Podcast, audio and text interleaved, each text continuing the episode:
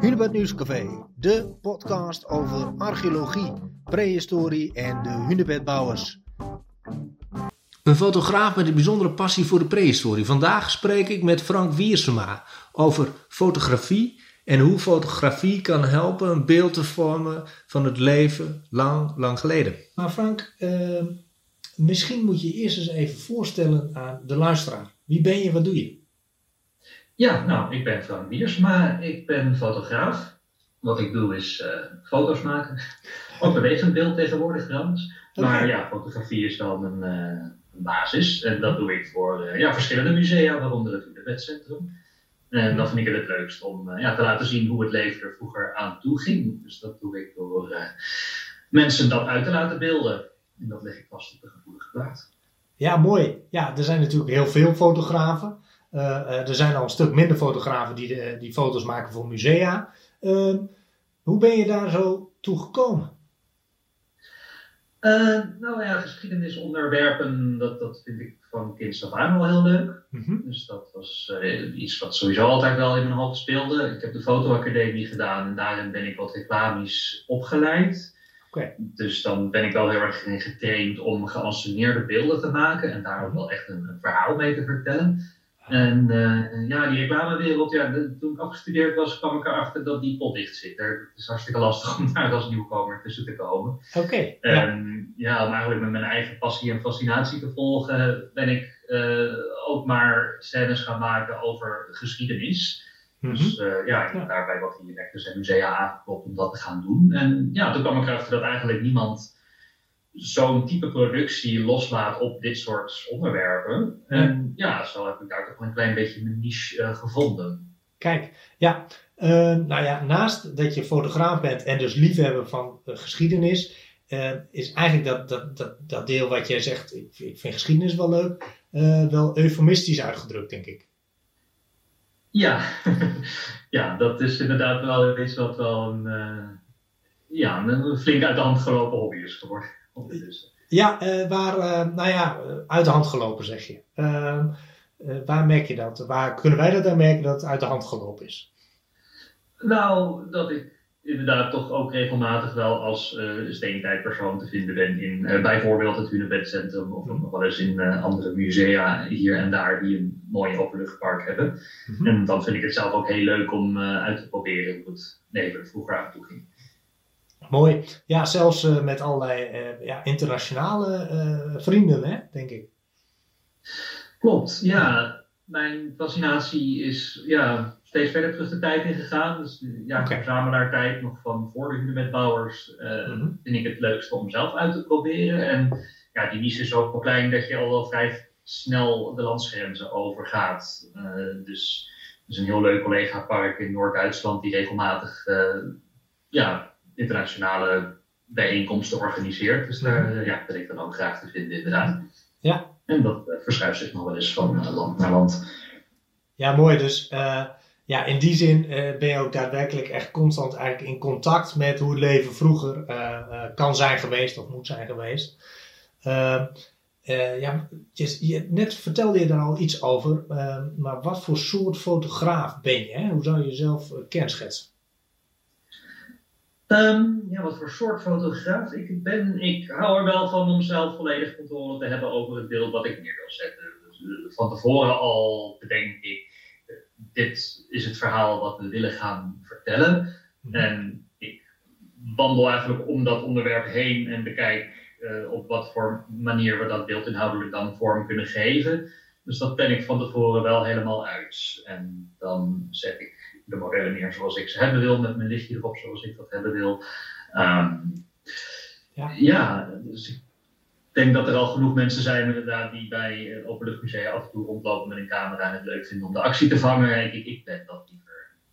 Als ik bedenk ik wil een offerritueel fotograferen uh, bij prachtig ochtendgloren, dan ja, wanneer je met een heel productieteam staat kun je niet echt wachten op de precies juiste omstandigheden. Dus dan zet ik gewoon een flitser een beetje laag voor laag invallend licht. En uh, Photoshop ik de kleuren zo dat ik dat ochtendgloren toch wel gerealiseerd heb, ongeacht of het een druilerige woensdagmiddag is. Ja. Uh, en als het beeld daarna dan een, een uitvaartritueel moet zijn in avondsferen en het is nog steeds dezelfde druilerige namiddag, ja, dan zet ik mijn modellen neer bij het hunebed met een paar fakkels ernaast en mijn flitsers dusdanig hard dat ik het daglicht wel wegflits en het beeld toch wel avondachtig donker wordt. Dus wat dat betreft, uh, ja, laat ik, uh, ja, ik me niet beperken door de mogelijkheden. Ja, verzin wat dat betreft altijd wel een manier om precies dat beeld te krijgen zoals ik het van tevoren uh, in mijn hoofd heb. Ja, je zou kunnen zeggen dus dat je echt wel scènes maakt, hè? stils uit scènes. Um, welke ruimte heeft uh, de verrassing dan nog in het werk?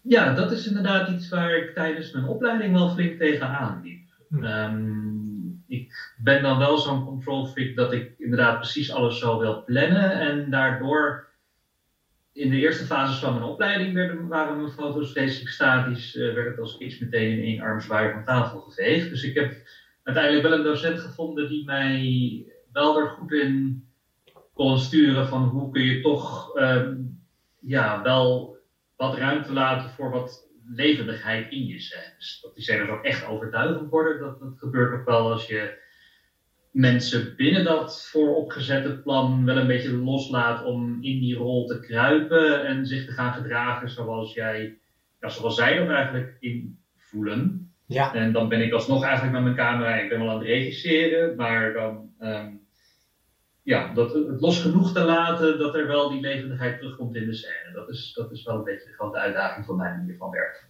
Ja, dat snap ik. Uh, ja, het levert uh, prachtige uh, plaatjes op, waar we ook als Hunebedcentrum, ja, ja, plaatjes is, is, is eigenlijk helemaal verkeerde woorden, schitterende beelden op. dat is wat is. Ja, nou ja, goed, schitterende beelden op van hoe het kan zijn geweest bij benadering.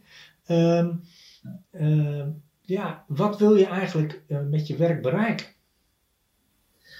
Ik wil bereiken dat mensen zich ja, kunnen invoelen in hoe het uh, geweest moet zijn. En daarbij ook een klein beetje outside the box laten denken.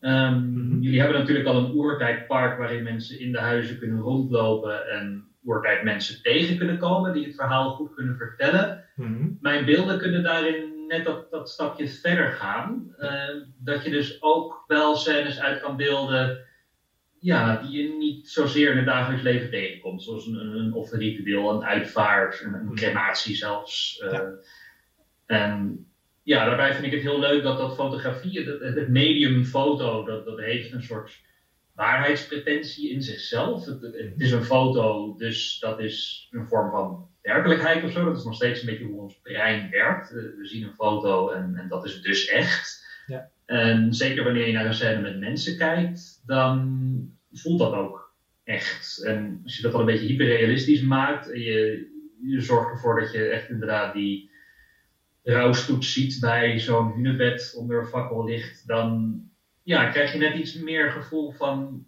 dat het ook echt daadwerkelijk een, een, een grafmonument is dan wanneer je er langs loopt en dat op het bijschriftbordje leest. Dus ja, ja mijn, mijn, mijn missie, mijn doel is toch om ja, dat bewustzijn net even iets meer te prikkelen. Ja, nou je zei uh, aan het begin al even van ja, ik, ik denk dat ik mijn niche heb gevonden.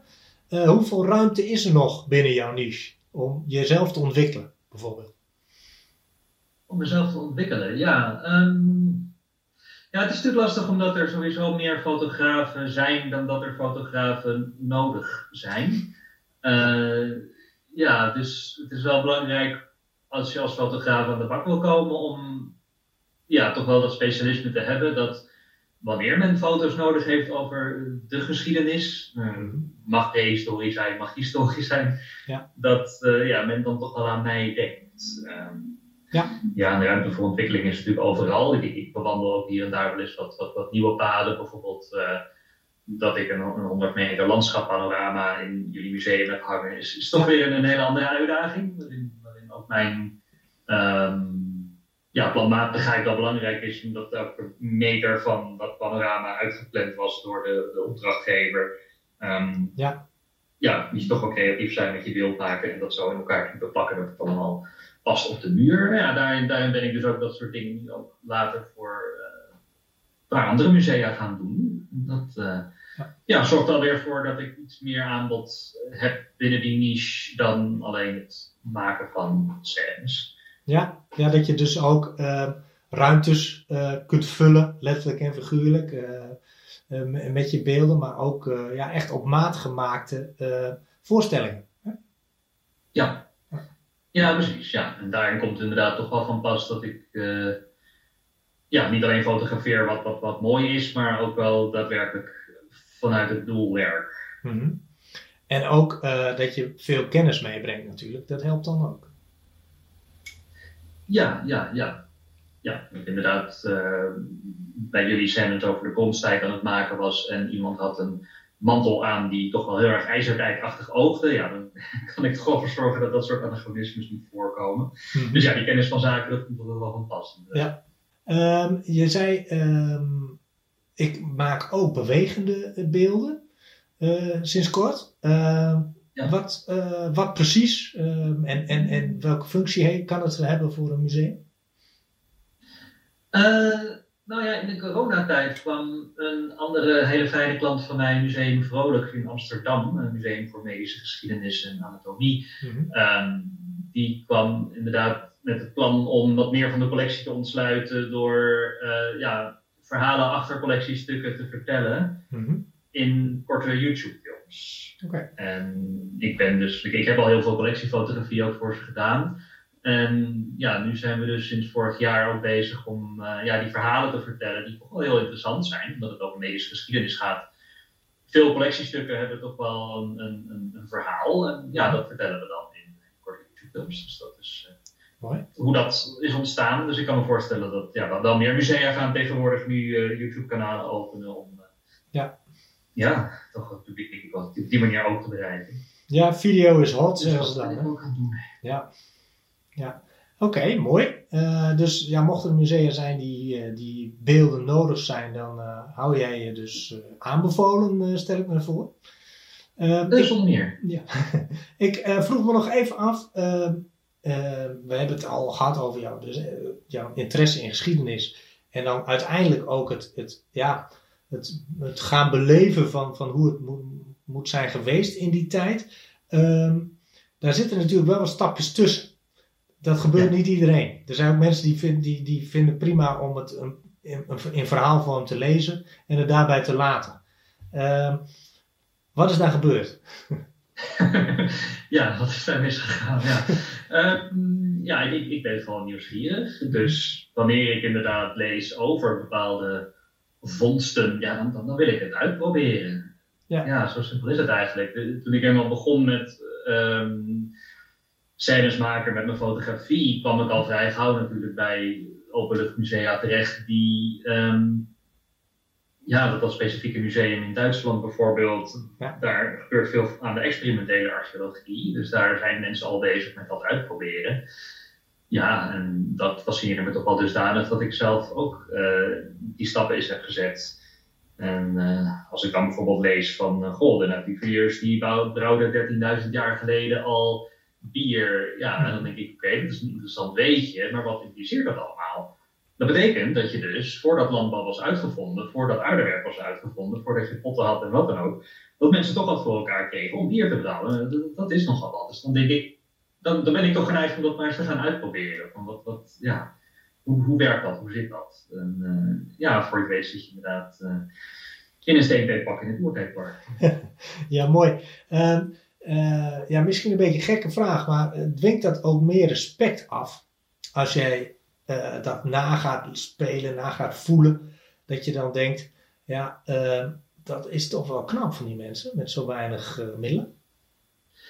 Ja, ik denk niet dat er ooit een steentijd gathering is geweest waar ik niet toch ook wel de hulp van de uh, moderne medische wetenschap nodig had gehad om dat te overleven. Uh, dan is het maar door een geïnfecteerde tekenpeet of ja. nou ja, noem maar op. Of, of dat ik mezelf flink in de vingers had gesneden met een stuk vuursteen en echt dingen nodig had.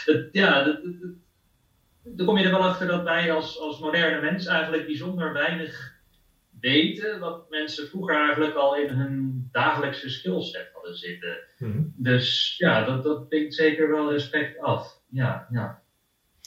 En als ik nu bijvoorbeeld probeer het hele bierbrouwproces te hoe zeg je dat in het Nederlands, reverse engineeren, de terugwerkende kracht uit moet vinden hoe dat gegaan moet zijn. Ja. dan, dan, hebben die mensen toch wel vrij veel kennis gehad van, ja, hoe, hoe manipuleer je je voedsel? Hoe uh, ga je om met dingen als fermentatie? En, um, ja. ja, die, die, die ja, vaardigheden, um, ja, of simpel zoals, oh ja, vroeger gebruikten men stenen werktuigen. Ja, slaan maar eens twee stenen tegen elkaar aan. Ik krijg daar niet een heel mooi bruikbaar mes van. Dus al dat soort kennis en vaardigheden, ja, ik heb daar wel uh, flink wat respect voor gekregen. Ja, ja, ik denk dat veel uh, mensen uh, in het hier en nu toch het eigenlijk als een soort lineaire lijn terugzien hè, van ontwikkeling.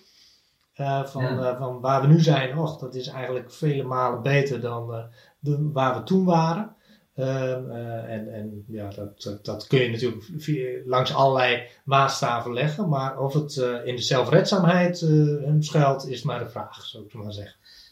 Ja, zelfredzaamheid sowieso. Maar ik denk ook wel. Um, ja, je kan het staven aan bijvoorbeeld dingen als gezondheid. Um, Om maar iets te noemen. Mensen hebben 99,9% van het hele bestaan van de mensheid geleefd als uh, jager-verzamelaars, waarbij men hun voedsel gewoon uit de natuur haalde. En uh, met dat dieet konden mensen, als je de een leven had, je hmm. maakte geen al te gekke dingen mee, kon je de leeftijd van, van 70 riant halen, zoals het kleintje die gevonden is in de Betuwe. Um, en mensen werden ook 1,80 als gemiddelde lengte, de, de mensen in de middensteentijd. En, ja, na het uitvinden van landbouw kelderde die levensverwachting gigantisch en werden mensen helemaal niet meer zo uh, ja, oud en ook lang en mm -hmm. gezond. Ik kreeg allerlei osteoartritis en gaatjes in je gebit en uh, al die gezondheidskwalen. Uh, dus het, het, is daarna heeft flink het duik genomen en pas het heeft geleidelijk aan tot de moderne tijd aan toe dat mensen weer oud en lang en zo kunnen worden. Ja. Dus ja, die lijn is zeker niet lineair wat mij betreft. Nee. Um, dat, dat is helemaal helder. Uh, ja, de, de, verhalen die jij vertelt met je beelden, die moeten mensen gewoon, maar ook vooral gaan zien. Hè? Die kunnen ze dus ook veel zien in alle ja, uitingen van, van het Hunebedcentrum natuurlijk. dat jij daar schitterende beelden voor hebt gemaakt. En waar kunnen mensen nou nog meer werk van jou aanschouwen? Hoe kunnen ze je volgen? Ja, dat sowieso op mijn sociale media. Ik ben niet de alleractiefste, moet ik zeggen, maar zodra ik weer wat nieuws gemaakt heb, dan komt dat sowieso op mijn Facebook, Frank Biersema Photography, mijn pagina, en uh, Instagram, Frank Biersema Photography, dat past niet. Dus ik heb het maar als Frank Foto. Dat, nou ja. ja. Je kan me wel vinden. En ik heb natuurlijk mijn website, frankbiersema.com. Mm -hmm. Dus via die kanalen kun je je goed op de hoogte nou, hartstikke fijn. Ik, ik hoop dat veel mensen dat gaan doen. En uh, ik wens jou heel veel succes bij de volgende mooie beelden die je gaat maken. Dank je. Ja, dat gaat zeker goed komen. Dit was alweer een podcast van het Hunebed Nieuwscafé.